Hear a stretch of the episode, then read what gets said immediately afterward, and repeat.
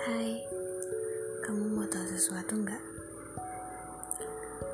Iya, kamu itu kayak kupu-kupu. Makin dikejar, makin jauh. Tapi kalau nggak dikejar, malah datang sendiri. Tapi aku tahu banyak yang suka sama kupu-kupu karena keindahannya. Makanya pasti banyak juga juga tahu kalau kupu-kupu hinggap di mana aja, gak cuma di satu tempat.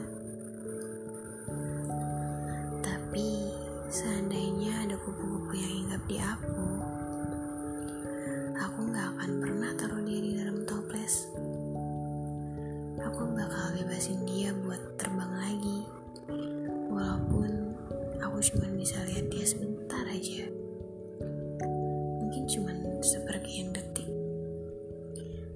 Bersyukur bisa lihat dia.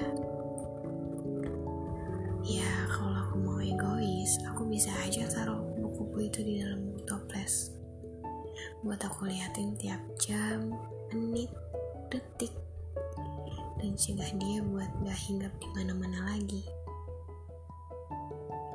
Tapi aku tahu, kalau kupu-kupu aku taruh dalam toples, lama-lama dia bisa mati.